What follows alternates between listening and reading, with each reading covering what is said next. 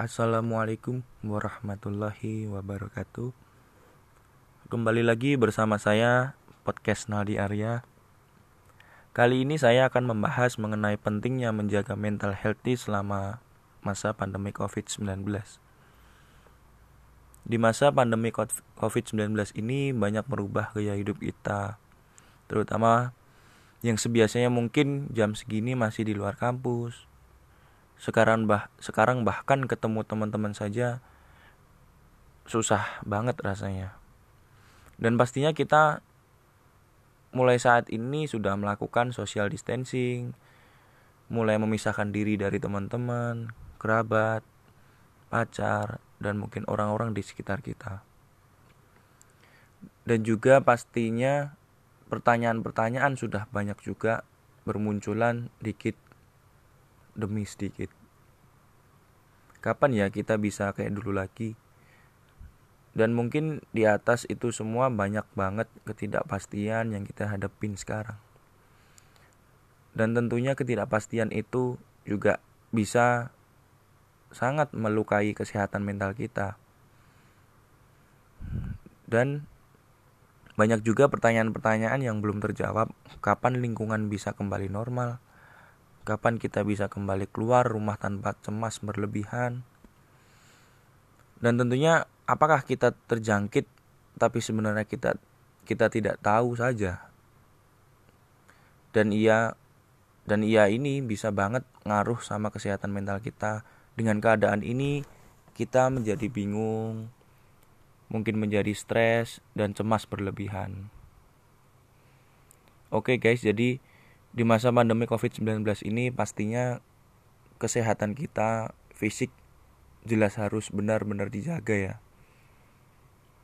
Tentunya kita mengikuti protokol kesehatan yang ditetapkan oleh pemerintah dan tapi yang nggak kalah penting bahkan sudah banyak-banyak sekali orang yang mengeluh tentang kesehatan mental sering banget dengar sebagai mana mental health itu sendiri yang jadi pokok yang jadi pokok permasalahan.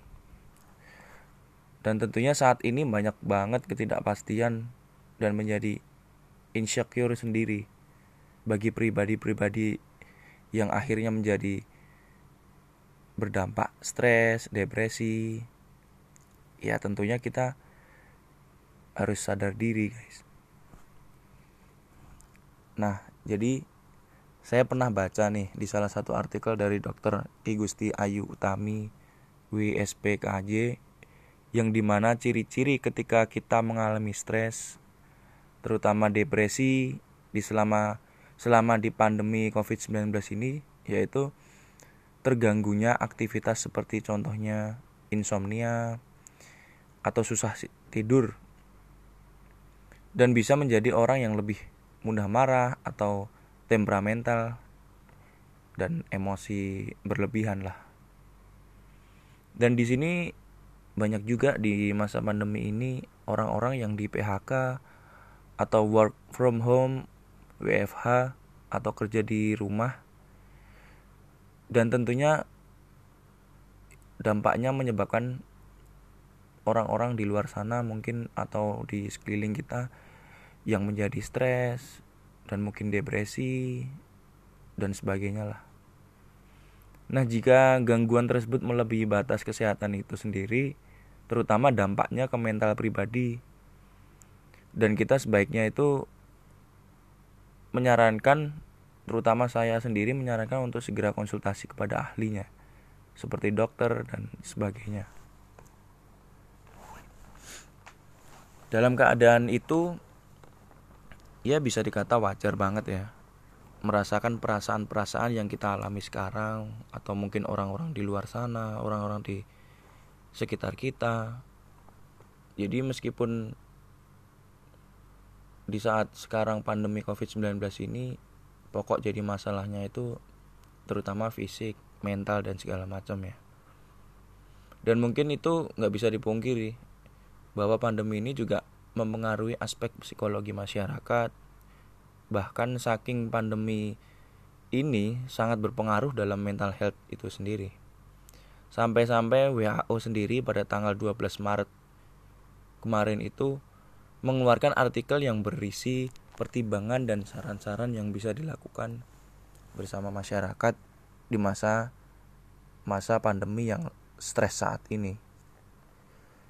Jadi kenapa sih wabah fisik seperti corona ujungnya bisa mempengaruhi mental seseorang? Ya jadi begini guys.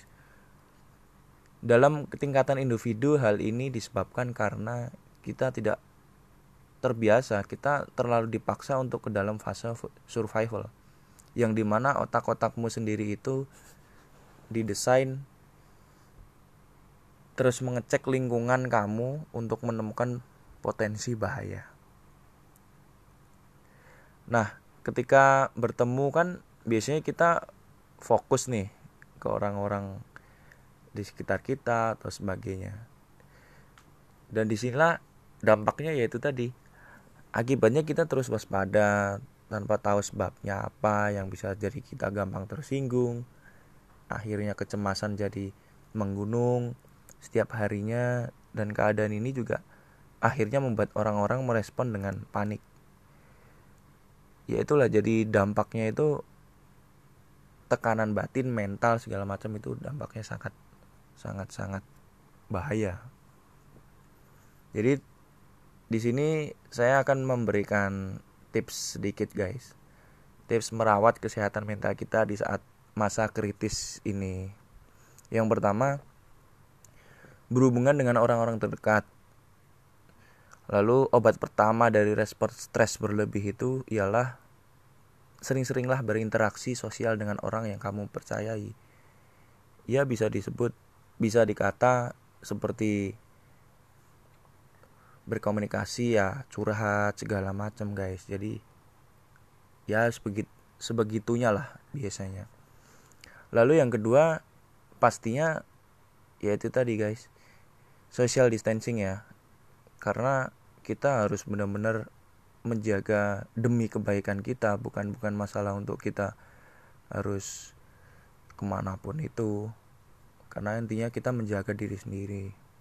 Yang ketiga batasi waktu nonton berita atau poin penting yang harus kalian ingat ya. Jadi poin penting itu dalam keadaan stres dan cemas berlebih itu eh, bisa memberikan dampak buruk bagi kalian sendiri lalu yang keempat jangan membuat keputusan-keputusan yang krusial karena eh, lagi ada periode di mana stres berlebih dan panik berlebih itu saat sekarang itu sangat-sangat tinggi ya.